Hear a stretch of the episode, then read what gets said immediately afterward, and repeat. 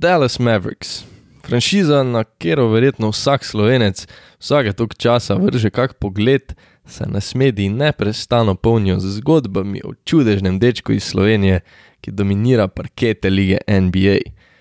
Letos so končnico končali na enakem mestu kot lani, v prvem krogu proti LA Clippersom. Daleč od tega, da bi mogli malega brata iz Los Angelesa premagati, ne morem se znebiti občutka, da bi me vsi lahko te ekipa kazali več. Sploh glede na to, da za njih igra en najboljših košarkarjev na planetu. Dončiča morajo obkrožiti z boljšim kadrom.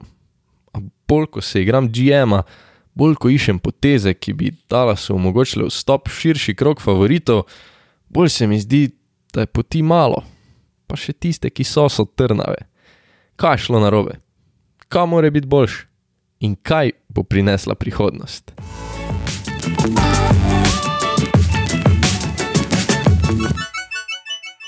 Čeprav v Ligi NBA nikoli ni slepih ulic, vedno se da kaj narediti, so trenutno Mavericksi v situaciji, ko so možnosti zelo omejene in je težko videti neko kratkoročno svetlo prihodnost, brez da v free agencyju rasturajo in podpišejo kakega zvezdnika ali pa vsaj ene par res dobrih košarkarjev. Zakaj je stanje tako mlačno? Zato, ker praktično nimajo všečnih trade assetov. Maš Luko Dončiča, ki se vsi zavedamo, da je nedotakljiv, posta pa praktično najbolj všečna igralca, okoli katerih se bi dalo kaj narediti, Jalen Brunson, dober igralec sklopi in Dorian Finney Smith, roleplayer, ki ti ponudi dobro obrambo in občasne prebliske v napadu, s solidnim metom za tri. Tudi zdaj, občasni gledalci NBA, po moje, tu le vidijo, da nihče glih ne izstopa. Moštvo s takimi težavami se pol ponovadi obrne na menjavanje draft pikov, izborov na naboru. Je, Dallas lahko prvi pik ponudi šele za leto 2025, ker so dva še dolžni New Yorku v tradu za Kristapsa Porzingisa.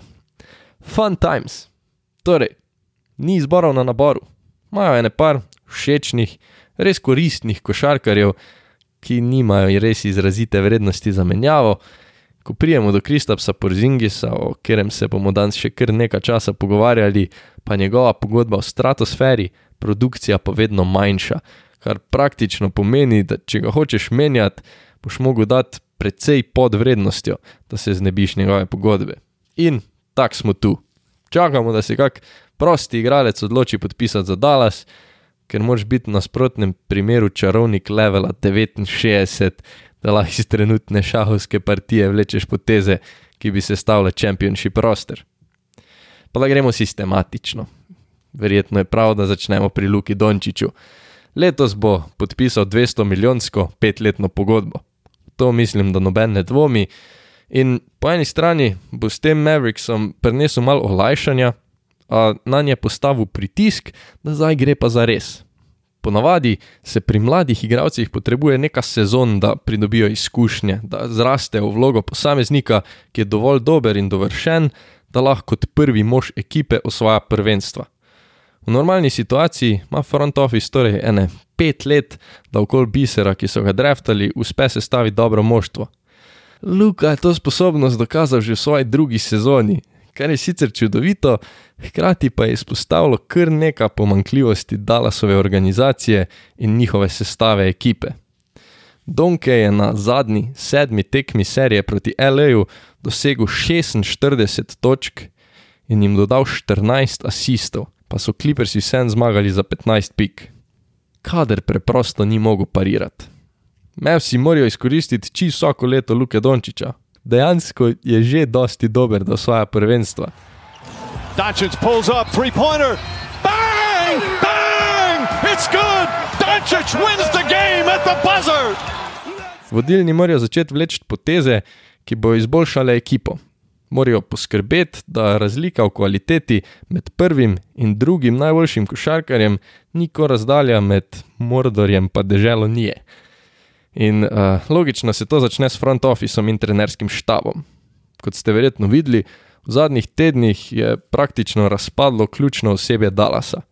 Po več kot 20 letih je franšizo zapustil generalni direktor Donny Nelson, Par dni kasneje pa se je poslovil še dolgoletni trener Rick Carlisle.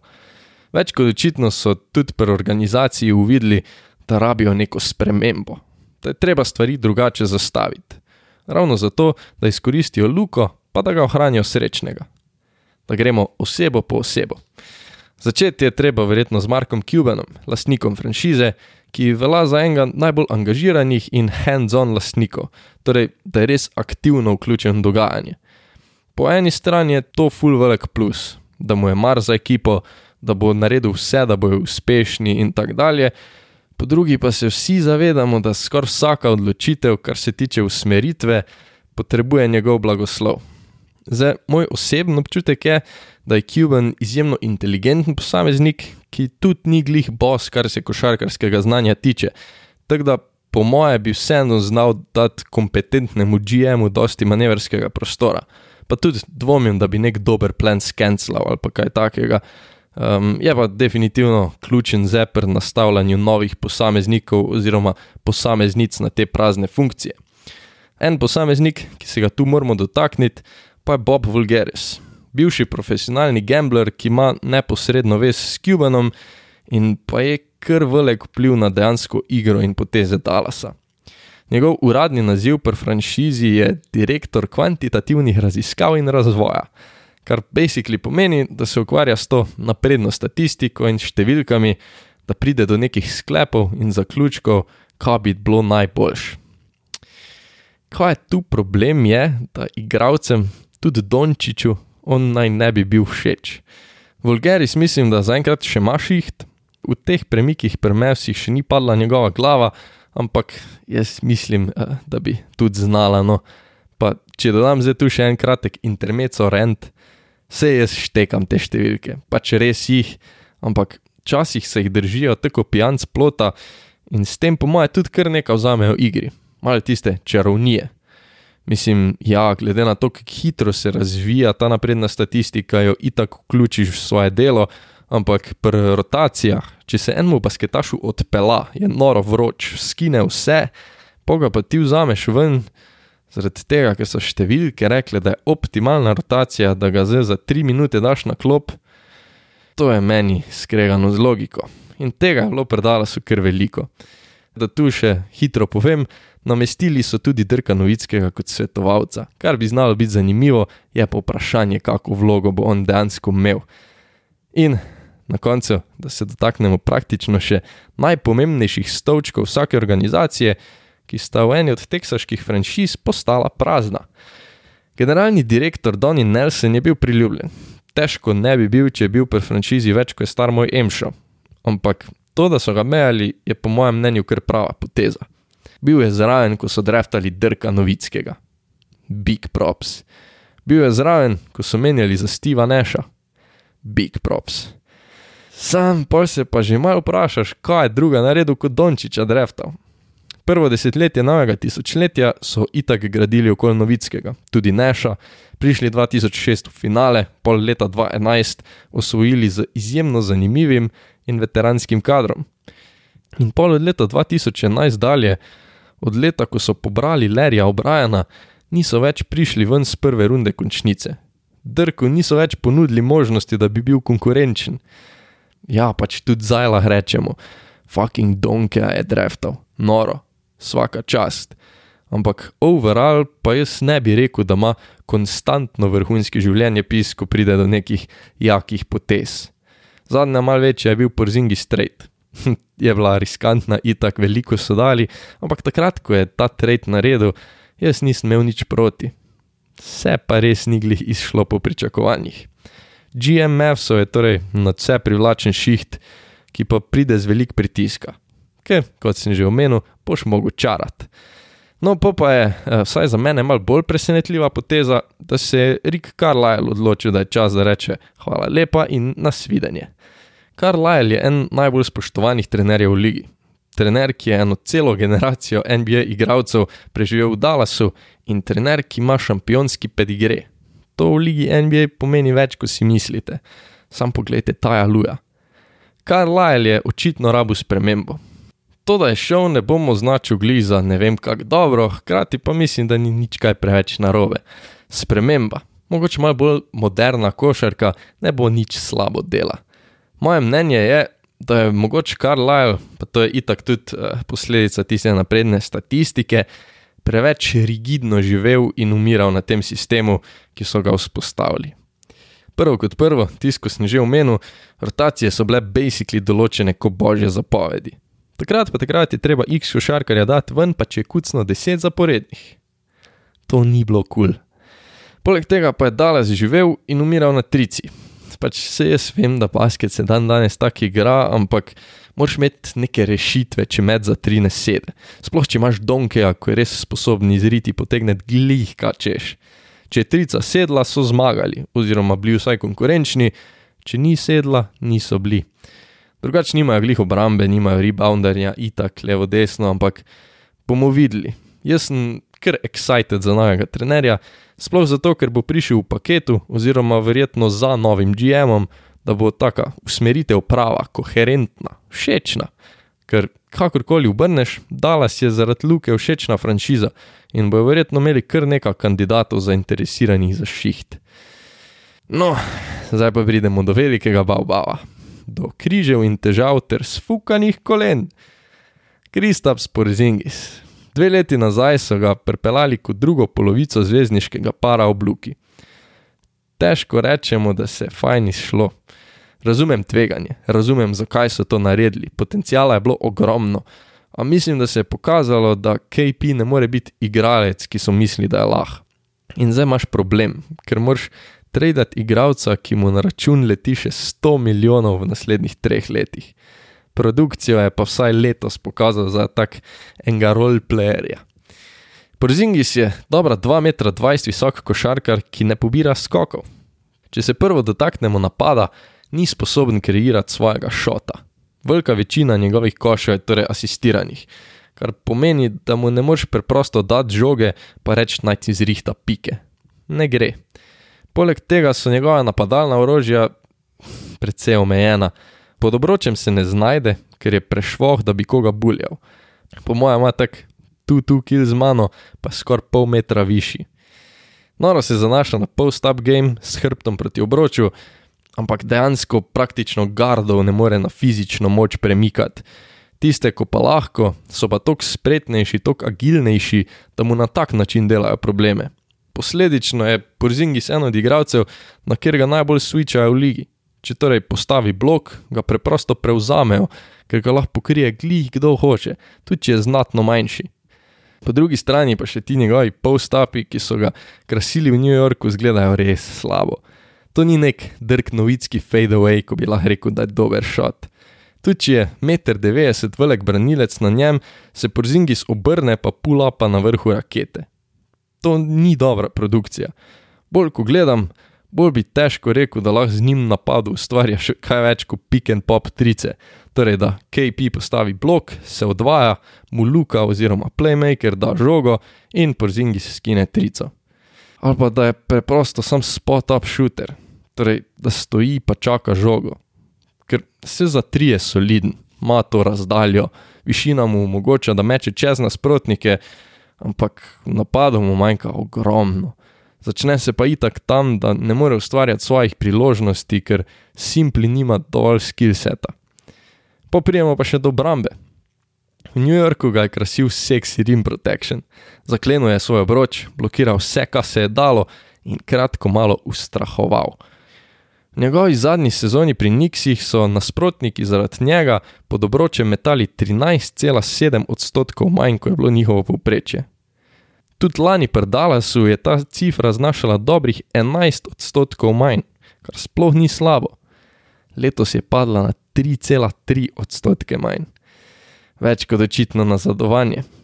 Čeprav nikoli ni bil neka full hitter v nogah, je vsaj za silo lahko stal zraven hitrejših, nižjih branilcev, ki so prodirali, da je bil pol v dosegu in jih lahko od zada blokiral. Tega ni več. Itak, zaradi poškodb, ni več tako fizično sposoben, Zgubil je veliko svoje hitrosti, agilnosti, verjetno ga je tudi strah fizično igrati, ker njegov spisek poškodb je dolg kot ponedeljek. Porzingis is going to the locker room twisted and turned his left ankle and it looks painful, Reg. tweaked both ankles on several occasions. This is momentum, just carrying him over. Left ankle rolls. In glede na vse povedano, je kar hitro jasno, da ni bil vreden Max pogodbe. Poleg tega se jaz z Donkijem niti ne razumeta, ampak to ni ključno. Ključno je, da je Porzingis postal problem, na kjer ga ni neke fiksne, direktne rešitve. In majster pol pride ven s takimi, pa se joče, da se ne počuti, kot da ga obravnavajo kot drugega, so zvezdnika zraven luke. Res ne razumem, zakaj.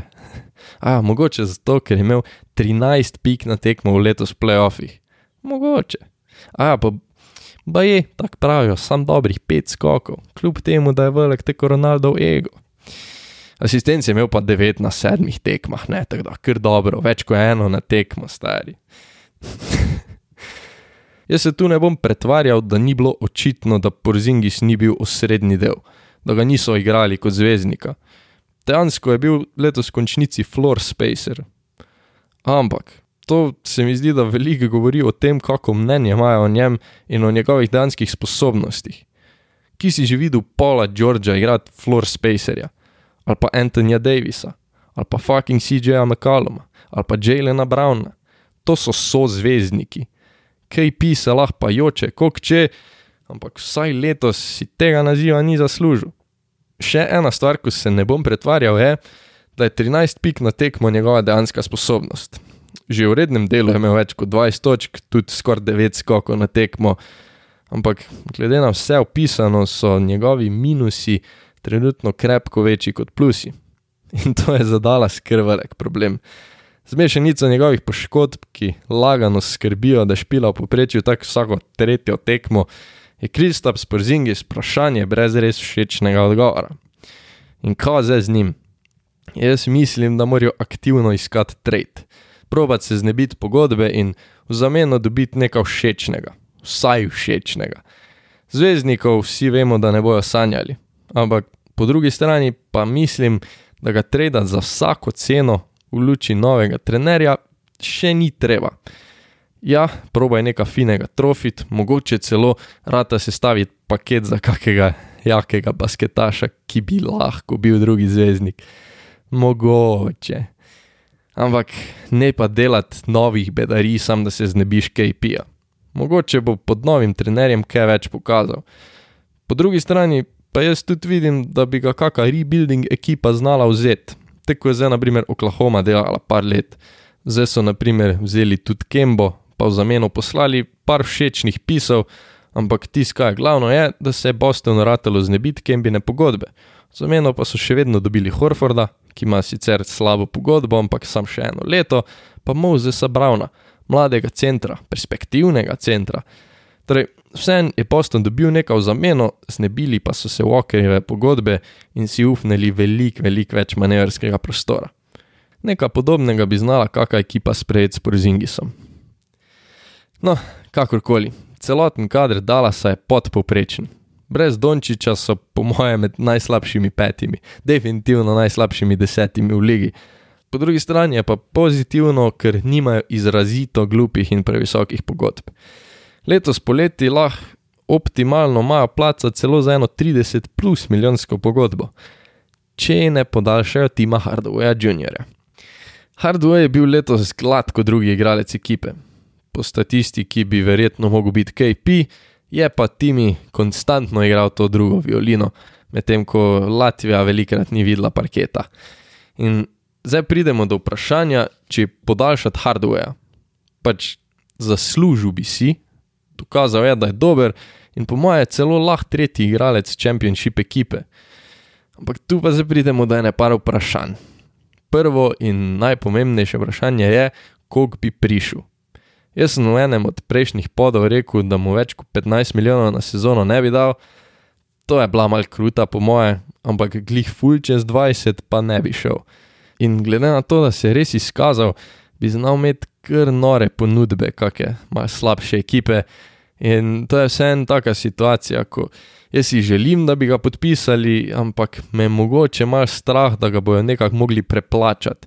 In pa bojo spet ostali s pogodbo, ki mogoče ni vredna igralca. Zdaj drugače je tu, če jim uspe predati Porzingisa. torej da si odpreš cap space, da vzameš ene par iztekajočih se pogodb, pol hardware podpišeš na tistih 20 ali pa dobrih 20 in imaš mogoče že letos, definitivno pa drugo leto možnost podpisati max ali pa blizu max igralca. Še tretje vprašanje je, kaj lahko mogoče dobiš druga. Če podpišejo hardware za 20, pol o kakem drugem jakem košarkarju ne morejo sanjati. Zdaj, definitivno je vredno pocinglati Kowaja Leonarda, ki ima letos player option. To so itak, mokre sanje. Pa imaš še Krisa Pola, Kajla Laurija, Majka Conleya, Demarja DeRozana. Ne vem, koliko so to igravci vredni 30 milijonov, sploh glede na njihovo starost. Vsi razen DeRozana so pa tudi playmakeri, tako da je tudi vprašanje fita z Dončičem malo poskavtaš, če dejansko lahko dobiš v free agencyju nekega zvezdnika oziroma malo boljšega igralca kot je Hardway, ki bi sprve dejansko izboljšal ekipo. Ampak kaj predala so torej rabijo? Mislim, da ni skrivnost, da rabijo kar veliko. Eh, prvo rabijo enega dobrega rebounderja, skakalca žoge, ki bo dominiral pod obročem. Po možnosti nekega dost agilnega za pick and roll z Dončičem, Obrambe pri Mavsih manjka praktično na vseh položajih, in na zadnje, tako sem nekako skozi cel podcast razlagal, igralec, ki ga bo težko dobiti, ampak rabijo zanesljivo drugo opcijo, ležit drugo opcijo, ki žal ne more biti niti Tim Hardaway, niti Kristof Sporzingis. Pa da na koncu, tako malo še navržem dva igralca, ki se mi ponujata in bi bila po mojem mnenju čudovita pridobitev prvi je podpisal free agency, drugega bi probal pridobiti s tradom. In to je trade, ki bi ga Mavsi, po moje, celo lahko speljali. V free agency bi lahko podpisali Johna Collinsa, igralca, ki vsaj zaenkrat na papirju verjetno ne izgleda, da je lahko drugi najboljši igralec Championship ekipe. Ampak jaz mislim, da bi lahko bil, sploh pod Donkejem. Uh, tule je za en minus. Collins je restricted free agent, To pomeni, da lahko Atlanta, torej njegova zdajšnja ekipa, izenači vse pogodbe ostalih moštev, in v primeru, da jih izenači, John mora ostati pri Hawksih. Zdaj, pozitivno pa je, da Collins lani ni sprejel podaljšanja. Atlanta je takrat nekako nakazala, da mu ne bojo dali glih velik denarja, hkrati pa so takrat podpisali kar ne par velikih pogodb in imajo za naslednjo sezono porabljenih že 90 milijonov za plače. Nekaj več kot Dallas in bi potencialno lahko imeli probleme izenačiti kako visoko pogodbo.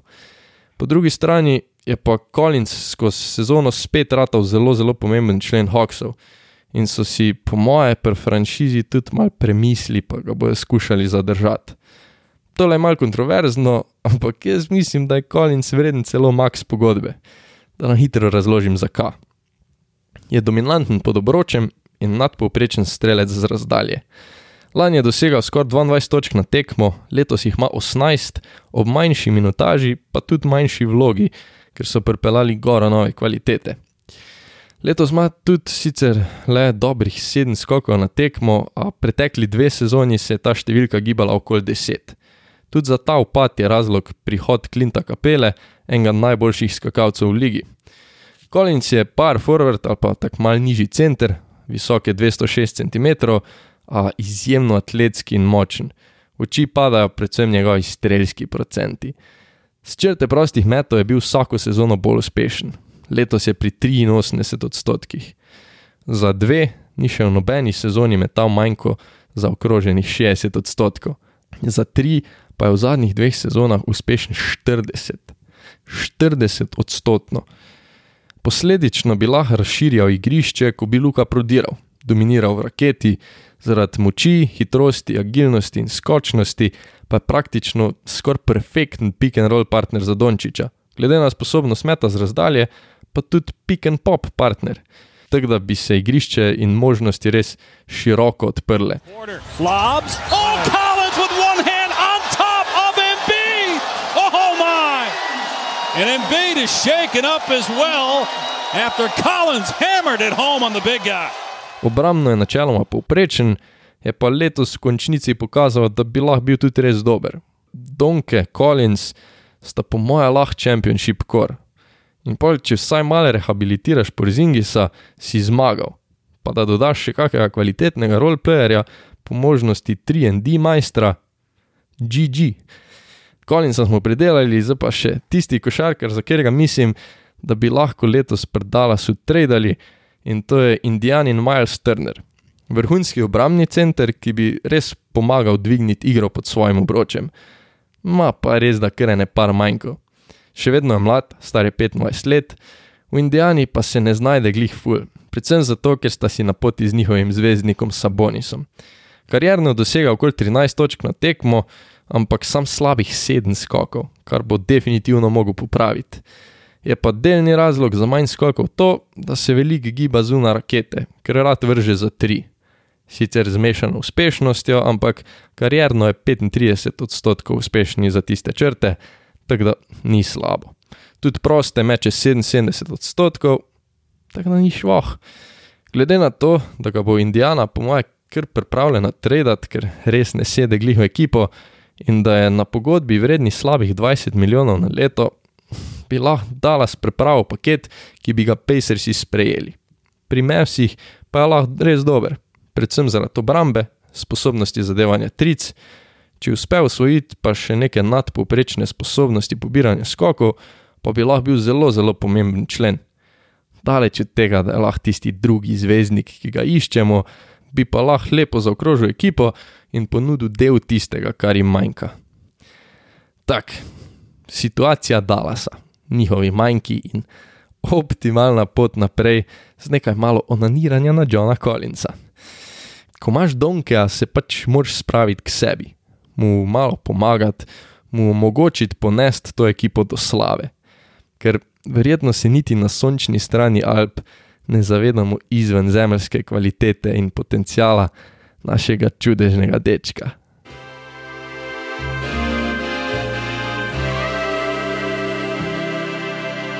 To je to za danes. Hvala vsem, ki ste poslušali. Izjemno pa vam vesel, če se odločite naročiti, oceniti ali pa napisati review, ker to face pomaga podkastu. Navdušen bom, če podate kakšen komentar, kritiko, tudi mogoče, kaj si želite slišati, ker je od naslednjih epizod. Najbolj pa sem vesel, če se odločite priporočiti prijateljem, ker vsaj v mojih očeh to pomeni, da vam je res od srca všeč. Se čujemo naslednji teden. Ajde!